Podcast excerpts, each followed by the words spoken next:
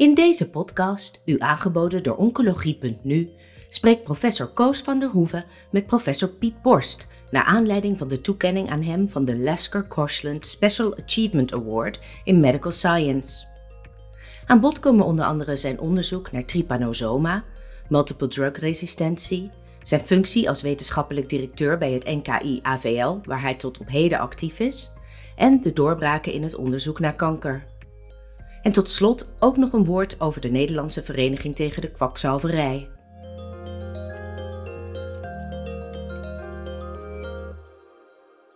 Professor Piet Borst ontving september jongsleden de prestigieuze Alaska Cosland Special Achievement Award voor zijn werk gedurende 50 jaar als wetenschapper, als directeur in het Antonie van Leeuwenhoekhuis, maar ook voor zijn bijdrage aan het maatschappelijk debat. En daarover ga ik een podcast met hem opnemen.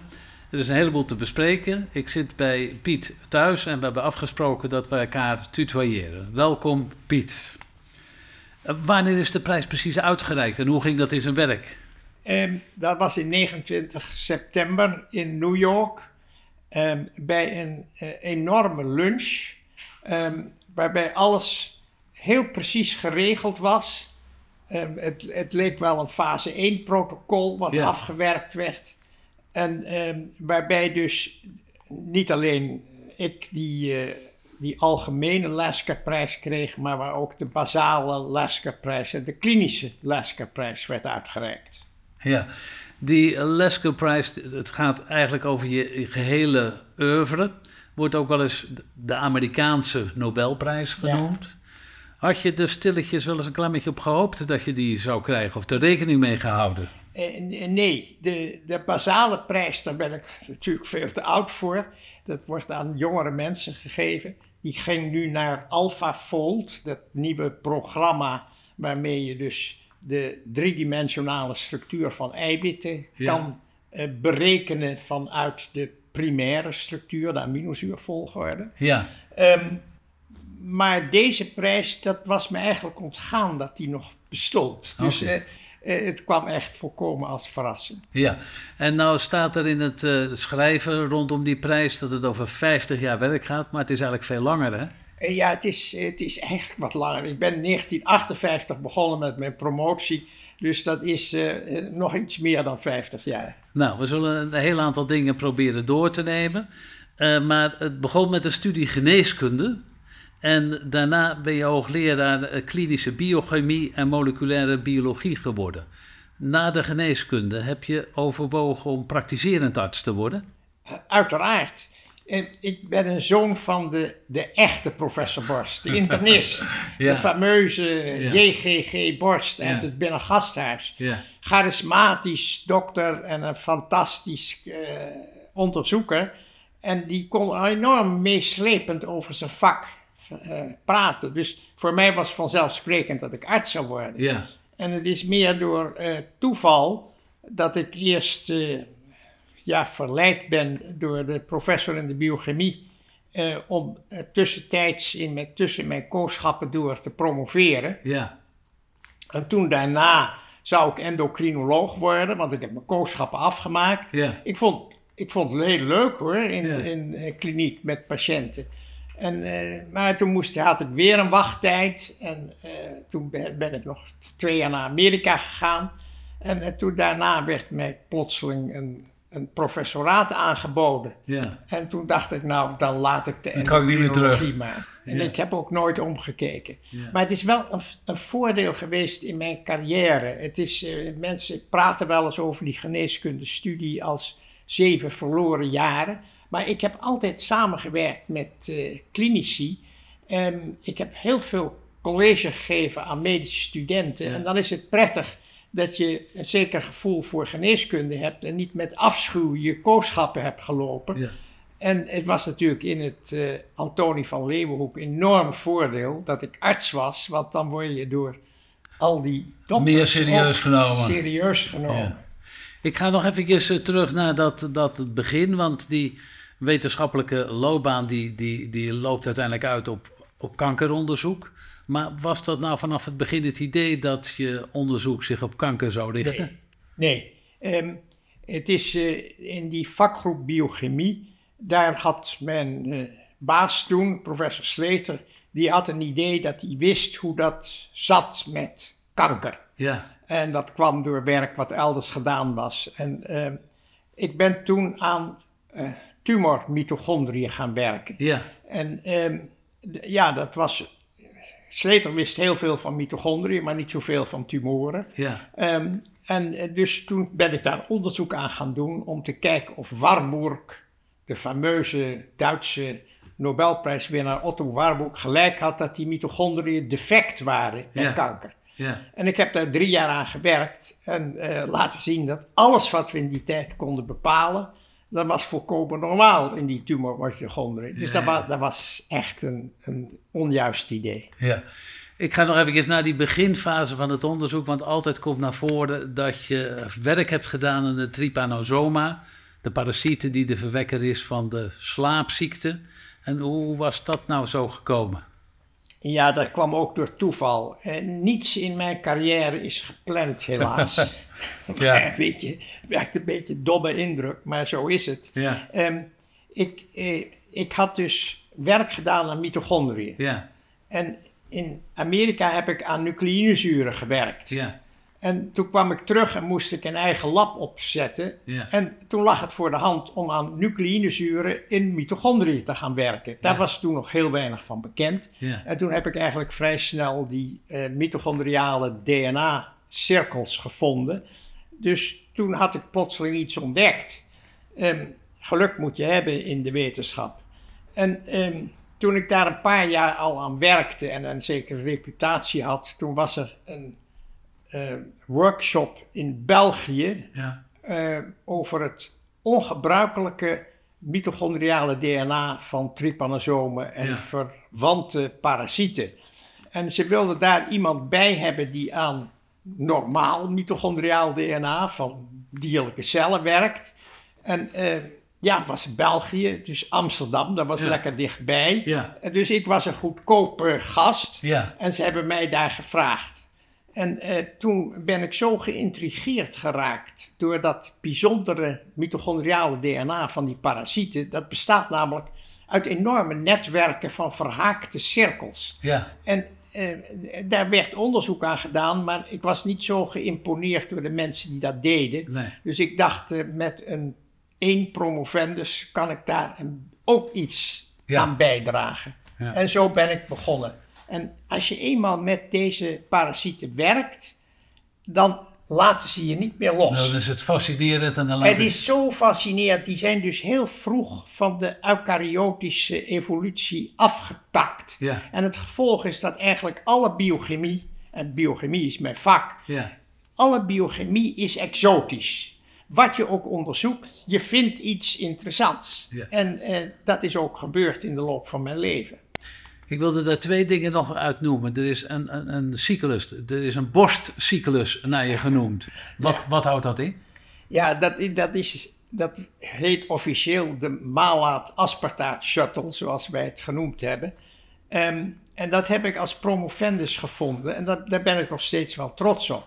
Kijk, ehm, het zit zo dat in het celsap, eh, daar wordt een hele hoop reductie-equivalenten gemaakt. En Ja. je krijgt dus veel NAD wat in NADH wordt omgezet. Bijvoorbeeld in de glycolyse Ja, dat NADH moet worden gereoxideerd. Dat kan in het celsap en dan krijg je melkzuur. En ja, je wilt niet je hele lichaam vol met melkzuur. Dus het moet door de mitochondriën worden gereoxideerd. ja, Maar het probleem is dat NADH kan niet bij de mitochondriale ademhalingsketen komen vanuit het celsap. nee. En dat was al lang bekend. En ehm, daar hebben mensen van allerlei eh, trucs voor bedacht. En ik heb dus toen een truc bedacht die juist bleek te zijn. Namelijk dat oxaloacetaat wordt gereduceerd tot malaat. Eh, dat gebeurt dus, eh, dat malaat dat gaat de mitochondriën in. Daar wordt het weer geoxideerd. Daar wordt NAD en NADH omgezet en dat wordt geoxideerd. Dat was iets wat andere mensen ook al aan werkten, maar wij hebben toen gevonden dat dat niet werkt. En dat je dus een hele transaminering erbij moet Ja. eh, verzinnen. Ja. En we hebben toen dus die eh, transaminering erin gezet. En dat kwam ook mede door een ander toeval, omdat we ontdekt hadden dat er een, een transaminase in de mitochondriën zat. Een GOT, een, een glutamaat oxoacetaat transaminase, heet tegenwoordig aspartaat transaminase. En, en dat was volkomen onduidelijk wat dat deed. En ik heb dus dat in die cyclus weten in te zetten, zodat ook een functie daarvoor eh, eh, bekend werd. En vanaf die tijd heette dat de borstcyclus. Het heeft dus tien jaar lang de borstcyclus gewerkt, maar ik werkte er niet aan. En je weet wat er gebeurt, Ja. ja. Koos. Als je ergens niet aan werkt, dan komen er andere mensen en die gaan er verder mee en dan gaat dat zoiets verloren. Dan gaan wij naar een ander onderwerp. Bij die eh trypanosoma, de verwekker van de slaapziekte. Daar heb je ook ontdekt hoe die het immuunsysteem van de gastheer Ja. eh, ontlopen. Ja. Kan je daar nog iets over zeggen? Nou, dat is eigenlijk ehm, relatief simpel. Ehm, wat ze doen is, ehm, ze vermenigvuldigen zich vrij in de bloedbaan. Niet, eh, ze vluchten niet in cellen zoals Leishmania of eh, Plasmodium, de malaria-parasiet. Nee, ze vermenigvuldigen zich vrij in de bloedbaan. Dat betekent dat de gastheer antilichaam maakt Ja. tegen het oppervlak. Ja. En ehm, mijn vriend George Cross had in Engeland gevonden dat er eigenlijk maar één type eiwit in die mantel zit. Ja. Wat dan gebeurt is dat er komen antilichaam tegen die mantel. Die eh, maken alle trypanosomen met die mantel af. Maar tegen de tijd dat die antilichamen verschijnen, is een klein deel van het trypanosoom heeft een andere mantel aangetrokken. Ja. Die heeft dus zijn manteleiwit vervangen door een ander. Ehm, en wat wij hebben gevonden zijn eigenlijk twee dingen. In de eerste plaats het mechanisme hoe die vervanging werkt Ja. op moleculair niveau, samen met George Cross. En in de tweede plaats dat ehm, de kast met mantels, hè, het DNA met mantels, Ja. bij een trypanosoom is gigantisch. Meer dan duizend verschillende mantels kunnen ze maken. En eh, in de tijd dat wij dat ontdekten, was WHO was nog bezig om ehm, een vaccin te maken tegen die mantels. Nou, wij konden laten zien dat is een hopeloze zaak. Dan dat moet je gaat het niet tegen lukken, duizend want er zijn er mantels veel- moet je ver- zijn er veel te veel. Ehm, is er nou enige analogie? Met kanker is het natuurlijk veel ingewikkelder, maar de, de kanker eh, onttrekt zich ook aan het immuunsysteem. Ja. Is er analogie of zeg je van Nee, nou dat is... he- helaas niet. Het, het is een inspiratie. We hadden ook gehoopt dat het zou werken net als ons immuunsysteem, dat er stukjes eh, DNA aan elkaar worden gekoppeld, maar dat bleek niet het geval te zijn. Ik ga een stapje verder naar de- het werk in het Antonie van Leeuwenhoekhuis, het Nederlands Kankerinstituut.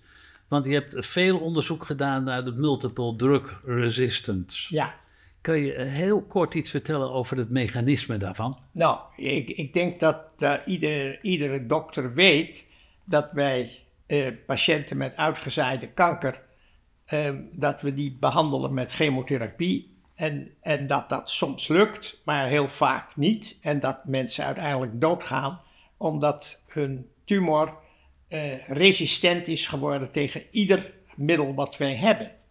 Ehm, eh, in het begin van de tachtige jaren werd er een pomp gevonden, het Ja. P-glycoproteïne, Ja. wat, eh, wat in staat is om een hele hoop verschillende middelen uit te pompen. Niet alles, maar vrij wat. Adriamycine, vincristine, veel gebruikte middelen. vincristine, Ja. taxane, Ja. dat kon allemaal eruit gepompt worden. En toen was er een tijd lang een geweldige hype dat men dacht, dat is het. Dat Ja. is verantwoordelijk voor een deel van die multidrugresistentie. En wij hebben daar vrij veel werk aan gedaan. We hebben dus in modelsystemen aangetoond dat inderdaad dat allemaal werkt, in, in muizentumoren. Maar helaas blijkt dus eigenlijk dat bij menselijke tumoren dat het heel zeldzaam is dat dat P-glycoproteïne een rol speelt. Ja. En eh, we zijn er eigenlijk nog steeds niet achter hoe dat komt. In het algemeen is het moeilijk te activeren in tumoren. En het, komt, het speelt waarschijnlijk een rol bij ovariumkanker. Maar verder is het enorm tegengevallen. Dus, Het was tussen 1985 en 1990. Toen Ja. was het heel erg in. En, en, en calcium er dus veel remmers ontwikkeld. En wij hebben dus in onze modelsystemen laten zien dat inderdaad die remmers werken. En dat als je P-glycoproteïne omhoog gaat in de tumor, dat die inderdaad multidrug resistent wordt. Maar bij de mens blijkt dat geen rol te spelen. Die multidrugresistentie, dat onderzoek is een klein beetje naar de achtergrond gegaan. Zijn er andere dingen voor in de plaats gekomen? Wij zijn daaraan blijven werken. Ja. En het blijkt dus ongelooflijk ingewikkeld te zijn. En ehm, het is naar mijn smaak een van de belangrijkste onderwerpen in de, in de ehm, eh, medische oncologie. Want het is natuurlijk absoluut treurig, Koos, en ik verwijt je niks hoor. Maar het is dus absoluut treurig dat we taxanen geven aan patiënten en niet van tevoren kunnen bepalen Ja. of dat gaat werken op de tumor, ja of nee. Wat we zeker weten is dat er bijeffecten zijn. Ja. En dat, dat de patiënt daar een hoop last van heeft. Ja. Maar we kunnen nog steeds niet voorspellen. We hebben die fantastische kennis. En wij hebben daar veel werk aan gedaan om te proberen dat op te lossen. ja. En als je nou over mislukkingen wil spreken, dan zijn we daar niet ver mee Dat je gekomen. nog niet in staat bent om van tevoren te identificeren Nee. of En- een patiënt en- wel of niet gaat reageren. En, daar wordt, we hebben er heel veel werk aan gedaan. En Ja. met sommige middelen, zeg met, eh met PARP-remmers, zoals ol- o- olaparib, ja. daar hebben we dus heel veel resistentiemechanismen kunnen ophelderen. En dat heeft mijn postdoc Sven Rottenberg gedaan. En die werkt daar nog steeds aan. Die is nu professor in Bern. Ja. Maar ehm, dus er zijn wel kleine succesjes. Maar zeg, als je mij vraagt hoe komt het dat een patiënt niet reageert op cisplatina, dan kan ik je nog steeds het antwoord niet geven. En ik vind dat een van de grote opgaven voor het basale onderzoek. We moeten daar achter komen. Ja. Ik ga even een stapje maken. Je, je bent in 1983 ben je wetenschappelijk directeur geworden Ja, in het, het- Nederlands Kankerinstituut Antonie van van Leeuwen. Leeuwenhoek ziekenhuis. En dat was eigenlijk de hoogste eh, baas in. eh, Ja. ik ben daar ook voorzitter van de directie vrij snel geworden. ja, ja. Was nou zo'n functie van, van directielid te combineren met dat wetenschappelijk werk? Ja, dat ging heel goed. En dat was juist eh, heel positief voor het instituut. Want er was nogal wat bureaucratie Ja. en nogal wat beleidsvoering. En zoals je weet, beleid dat is iets voor eh middenbestuurders. Hè? Die, eh, die willen beleids... Ja, eh, maken. stukken maken. Maar goede bestuurders doen dat niet. Die weten, het gaat erom goede mensen te vinden en optimale condities voor de samenwerking. Dus ik heb altijd gepropageerd het medewerkend voormanmodel. Ja, En dat betekent dat alle mensen die beslisbevoegdheid hebben in de kliniek of in het lab, dat die eh, een serieuze bijdrage op de werkvloer moeten leveren. Of als, als patiëntendokter of klinische researcher of als bazaal researcher. Zodat de mensen die de beslissingen nemen ook weten waar het om gaat. Ja. Die, die komen op de werkvloer, die weten meewerkende er voorman zijn. meewerkende voorman. En dat heb ik dus altijd gepropageerd. Dat betekent dat je dus niet zoveel tijd hebt om te besturen. Maar het betekent dus ook dat je mensen niet lastig kan vallen met on, onnozele bureaucratische maatregelen. Ja. En heb je nou in die periode zeg maar nog wat cursussen gevolgd of Nooit. bestuurlijk Nooit. niveau management nooit? Toen ik afgetreden was, ben ik één keer, toen kwamen dus eh, na mijn vertrek als directeur, kwamen ook de leiderscursussen. Toen ben ik één keer begonnen om zo'n leiderscursus. Ik dacht, ik wil toch een keer meemaken wat ik eigenlijk had moeten, moeten weten. Maar na een half uur ben ik afgehaakt. Ik vond het eh gewauwel en eh, ik kon er echt helemaal niet tegen. Ja, nou, maar dat is allemaal toch eigenlijk wel goed gegaan. Eh, in de tijd dat jij 65 eh, werd, was dat de AOW-leeftijd, maar je kon gewoon doorwerken. Ja, we, we hadden de regel dat als mensen productief waren en eh, door onze vijfjaarlijkse beoordelingen, die heel streng zijn, daar hebben we dus eh, top buitenlandse onderzoekers voor, Ja. halen hem naar het instituut. Als die zeggen het is goed, het is productief, iemand vindt iets, dan mag je doorgaan. Ja, En ik had dus enorm geluk in mijn onderzoek, mijn Ja. hele leven lang. En eh, wij bleven dus dingen vinden en ik, ik kon dus doorgaan. Ik kreeg ook nog subsidies in die tijd, ondanks het feit dat ik de 65 was gepasseerd. Ja. Um, er zitten wel eens mensen op allerlei niveau in, in, een soort koker denken. Dat je een bepaalde richting uitdenkt en, en dat je daar niet meer van loskomt. Zou je met de kennis van nu bepaalde dingen echt anders gedaan hebben? Koos, mijn moeder zei dan altijd: as is verbrande turf. Okay. Als je, ja, die ken ik. Als je meer geweten had, dan had je dingen anders gedaan. Kijk, dat is, dat is heel makkelijk. Nu met de kennis van nu zou je natuurlijk alles anders gedaan hebben. dan zou je dus inderdaad, zou ik recombinant DNA hebben ontdekt of de PCR-reactie. Mijn promovendi zei altijd, suffert, waarom heb je dat niet ontdekt? Want je zat er met je neus vlakbij. Ja, ja, ja. ja. ja altijd makkelijk. Ja. Um, als we kijken naar de afgelopen twintig jaar, zijn er wel een heleboel ontwikkelingen geweest. En dan wilde ik eigenlijk een klein beetje focussen op wat het belang voor patiënten is. Wat, wat kan je zeggen, wat vind je zelf de belangrijkste ontdekkingen van de afgelopen twintig jaar in het kankeronderzoek? Veel we hebben natuurlijk veel meer inzicht gekregen en dat neemt nog steeds toe. Denk aan wat Charlie Swanton recent publiceerde over het belang van fijn stof als een bijkomende factor bij longkanker. Fantastisch werk. Ja. Um, dus inzicht. Moet ook nooit vergeten dat patiënten genezen worden door de chirurg en de radiotherapeut. Hè? Dus, dus iedere kleine verbetering, en er zijn heel veel kleine verbeteringen in de chirurgie en radiotherapie, die tellen voor de patiënt. En dan is er natuurlijk ja, de kennis die wij nu hebben van wat er misgaat in tumoren en die iedere dag meer wordt, die maakt de targeted therapy, de doelgerichte chemotherapie mogelijk. En daar worden ook langzamerhand successen mee bereikt. Daar heeft, heeft het Nederlands Kankerinstituut echt een belangrijke bijdrage aan geleverd. En dan is er natuurlijk die fantastische ontwikkeling voor medische oncologen die het vak fundamenteel veranderd hebben van de immunotherapie. Ja, ja. En daar is dan recent nog bijgekomen de mogelijkheid om te vaccineren. Daar is natuurlijk heel lang aan gewerkt en ging nergens naartoe. En nu plotseling kunnen we in, in, in, in topsnelheid kunnen we een vaccin maken tegen 25 abnormale eiwitten uh, in, die gepresenteerd worden in die tumorcel. En ik weet niet of je dat stuk gelezen hebt uh, laatst in Nature over pancreaskanker. Dat is gewoon onvoorstelbaar. Daar is met vaccinaties bij een groot deel van die patiënten is een langdurige remissie bereikt. Dus ik, uh, ik vind dat uh, voor de, de dokters die, die kanker pogen te genezen, dat er geweldige voortgang is geboekt.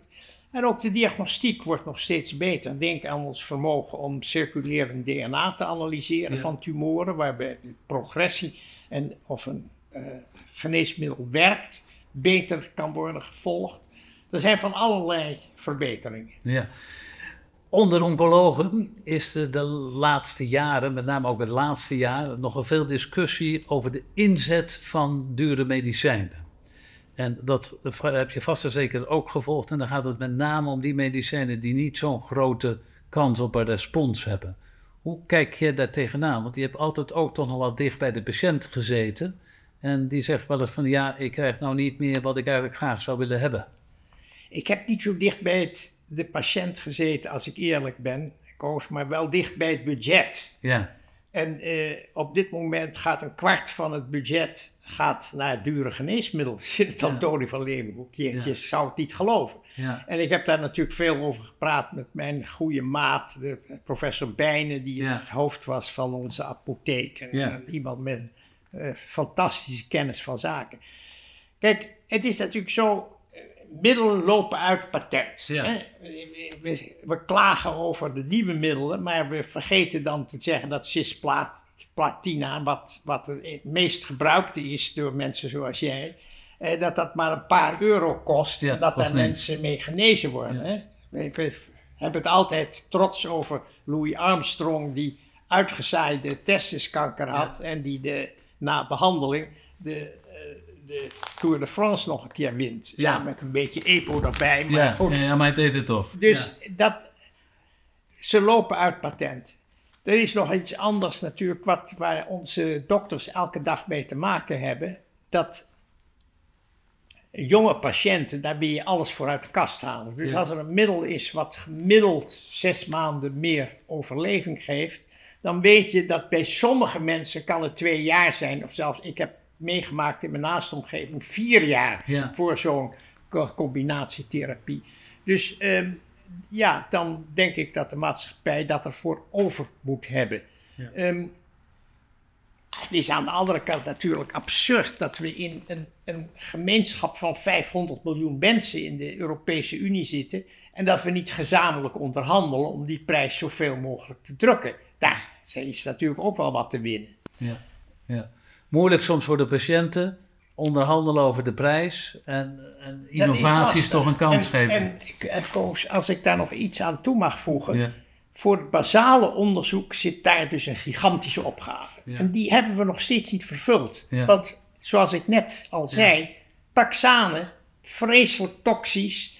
We weten nog steeds niet of de tumor reageert ja of nee. Daar moeten we achter komen. Dat is toch het allerbelangrijkste. Hele grote uitdaging. Dat is een enorme uitdaging. De prijs heb je gekregen voor je wetenschappelijk werk, voor het werk voor het Nederlands Kankerinstituut, maar ook voor je maatschappelijke impact die je hebt gehad. Je bent op een gegeven moment stukjes gaan schrijven voor het NRC, dat heb je heel erg lang gedaan. Ja. Hoe, hoe ben je daar zo toe gekomen? En dat, kwam zo, Koos. Ehm, ik, ik, ik ben in mijn studententijd lid van de redactie van Procurus geweest. Oh ja, Dat was ja. een hele Ja, beruchte redactie met eh, Renate Rubinstein en met eh Aad Nuis en met Joop Goudgrond. Echt mensen die later ook heel beroemd zijn geworden. ja, En ehm, dat schreven stukken over de politiek, maar ook over religie, die enorm veel opzien baarden. Er zijn vragen over in de Kamer gestaan. Dus daar ben ik eigenlijk gaan schrijven. En ik vond dat toch leuk om te doen. En eh, toen kwam dus de recombinant DNA-discussie. En ehm, ja, we moesten mensen moesten verdedigen dat dat uitvoerbare en ongevaarlijke proeven waren. En de meeste van mijn collega's die vonden dat een tikkie griezelig. Maar ik had dus wat ervaring en ik had ook toneelervaring. Dus ik ben in die tijd dus heel veel geïnterviewd en voor rotte vis gescholden bij eh, openbare bijeenkomsten.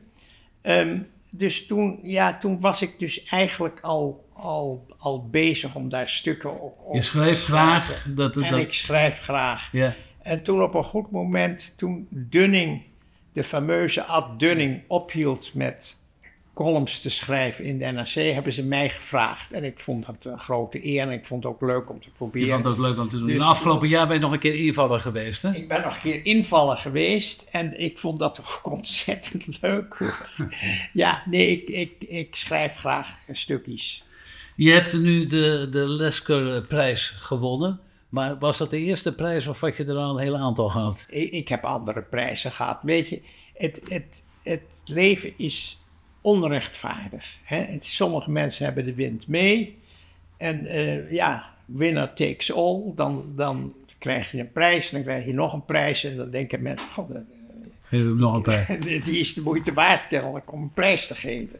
Ik wilde nog een laatste prijs eigenlijk benoemen. Je hebt volgens mij de gebroeders Bruinsma erepenning gehad. Kun Ja. je eens zeggen wat dat is? Nou, dat, dat is een prijs die de Vereniging tegen de Kwakzalverij geeft voor mensen die zich verdienstelijk hebben gemaakt bij de strijd tegen de kwakzalverij. Ja, En ik denk dat we in Nederland trots mogen zijn. Ja, ik ben trots op die Bruidsma-penning, maar we mogen er trots op zijn dat we een uitermate actieve vereniging tegen de kwakzalverij hebben. En Ja.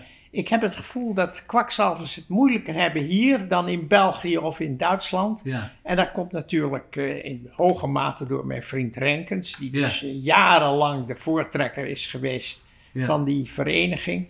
Maar die vereniging die doet ongelooflijk goed werk. En eh, het is Sisyphus arbeid. Hè? Dat is, je moet elke keer weer opnieuw beginnen, want kwakzalvers zijn heel inventief. En bij iedere nieuwe ontwikkeling in de geneeskunde weten ze weer een schets, eh, een schetstherapie te bedenken.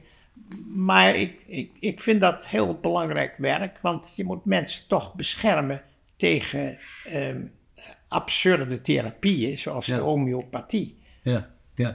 In de tijd dat je, dat je bij het NKI directeur werd, toen was het Moerman-dieet ook Ja. heel erg eh, en bekend en gewild. Ja. En patiënten konden dat wel krijgen in het Antonie van Ja. Leeuwenhoekhuis. Vond je dat moeilijk? Of wat was... Eh, nee, ik vind het niet moeilijk, want de patiënt heeft het laatste woord. Ja. En als het niet, niet eh, interfereert met de therapie waar ze baat van hebben, dan moet dat mogelijk zijn. Ja, En het was natuurlijk zo dat met een kamerbrede motie toen eind van de 70 jaren geëist is dat de Boerman-therapie nog een keer werd onderzocht. Ja. Die, die was goed onderzocht, dat was Ja. volstrekte onzin. ja, En ehm, ja, ik, ik, ik zat toen in de Wetenschappelijke Raad voor de Kankerbestrijding.